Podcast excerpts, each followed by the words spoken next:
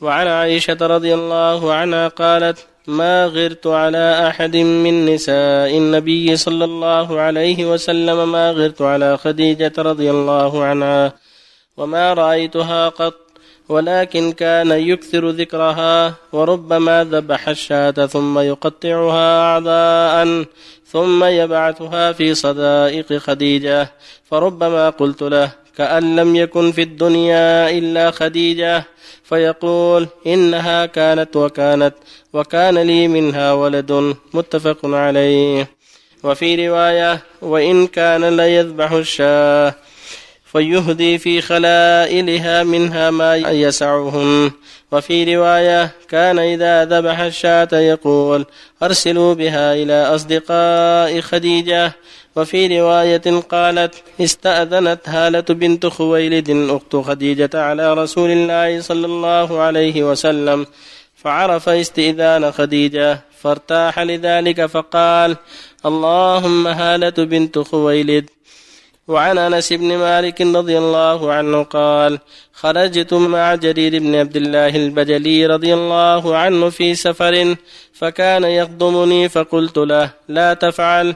فقال إني قد رأيت الأنصار تصنع برسول الله صلى الله عليه وسلم شيئا آليت على نفسي ألا أصحب احدا منهم إلا خدمته. متفق عليه. بسم الله الرحمن الرحيم الحمد لله وصلى الله وسلم على رسول الله وعلى اله واصحابه من اهتدى بهداه اما بعد هذان الحديثان والاحاديث لهما كلها تدل على الترغيب في بر اقارب الابوين والارحام والاصدقاء والزوجه والزوجات وان الاحسان اليهم والى اصدقاء الوالد والوالده والى أهل الخير واهل السيرة الحميدة أمر مطلوب وأمر مشروع ومن ذلك ما تقدم في أحاديث الحث على صدقة صلة الأقارب وصلة الأب وصلة أقاربه وحق الأب بعد وفاته وأن من حقه من حق الوالد بعد وفاته. صلة الرحم التي لا تغلى به وإكرام صديقه وإنفاذ وصيته وكما تقدم. كذلك هنا ما, جاء في حديث عائشة في قصة خديجة وهي أم المؤمنين وهي أول أزواج النبي صلى الله عليه وسلم وهم أكثر أولاده رضي الله عنها. كانت امرأة صالحة وكانت تعتني بالنبي صلى الله عليه وسلم وإذا اشتد به الكرب تنفس عنه وتقول له إنك وإنك رضي الله عنها فكانت من خير النساء ومن أرجحهن عقولا وأكملهن دينا.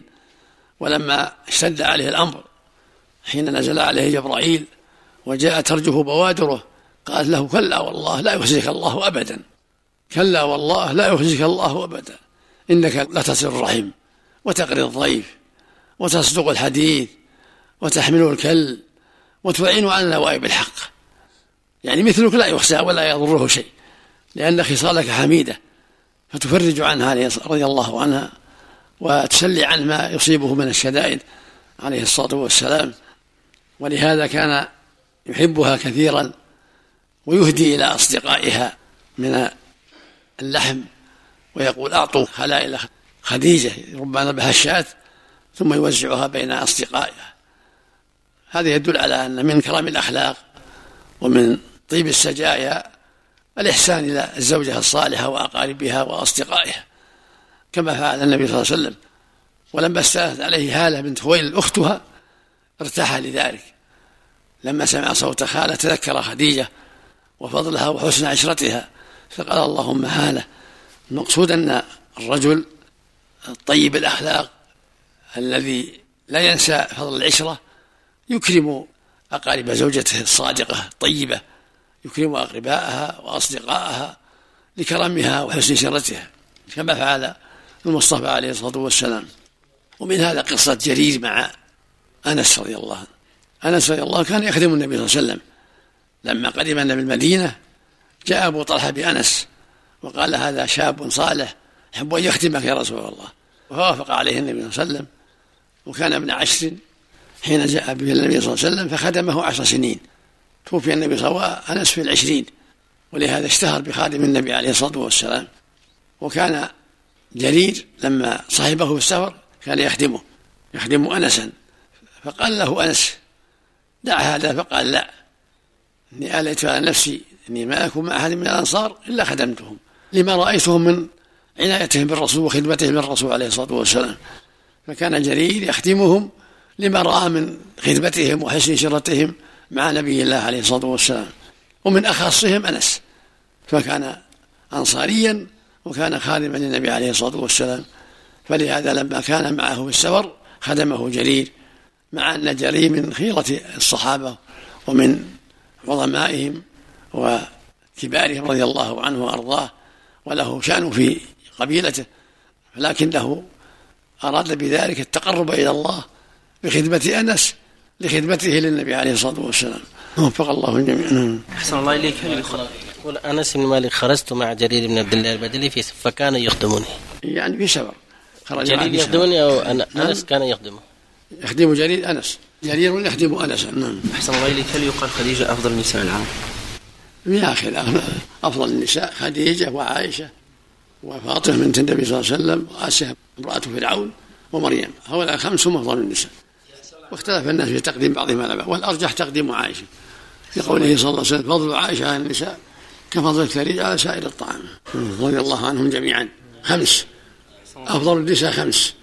خديجة وعائشة وآسيا ابنة مزاحم زوجة فرعون ومريم بنت عمران أم عيسى وفاطمة بنت النبي عليه الصلاة والسلام. هؤلاء الخمس أفضل النساء وأفضلهن على الإطلاق عائشة. نعم. الله عليك صلى عملك يعني شرط أنها تكون امرأة صالحة صلى الله عملك. إيه في إكرامها لا ينسى فضلها وإن كان عندها نقص لكن لا ينسى فضلها وفضل أهلها إذا كانوا أهل إحسان وأهل خير. أحسن الله رابط البدعة. كيف نعرف؟ كل عبادة تخترع على خلاف الشرع. هذه بدعة. العبادات المخترعة اللي ما لها أصل في الشرع. يقال لها بدعة. مثل بدعة المولد احتفال من الموالد. مثل بناء على القبور إسراجها اتخاذ المساجد عليها. كذا يسمى بدعة. هناك بعض الأمور زي السبحة وكذا قالوا لا السبحة أمرها سهل. السبحة أمرها سهل. كان بعض الصحابة يسبح بالحصى في عهد النبي. يسبحهم بالعقد لكن الأصابع أفضل. والدين أحسن الله إليك. غضب على ابنهما وقال لا نرضى عليك حتى تطلق زوجتك الأولى. فهل يجوز لمسلم يعني آخر بعيد أن يقول كاذبا على الوالدين بورقة أو شفهيا أنه قد طلق إرضاء لهما؟ من باب لا, لا ما يصلح ما يصلح لا, لا ما يصلح. إن كانت تستحق الطلاق يطلقها. إن كانت طيبة مستقيمة ما يلزمه إنما الطاعة بالمعروف يقول النبي صلى الله عليه وسلم. فإذا كانت تؤذيهم تشق عليهم معروفة بالشر أو ما أشبه ذلك ينبغي أن يطيع والديه في هذا. أما إذا كان امرأة صالحة ولكنهم عادوها لأنهم غير صالحين هم ما يطيعهم إنما الطاعة في المعروف ولو كان أب أو أم ولو كان السلطان حتى السلطان إنما الطاعة في المعروف.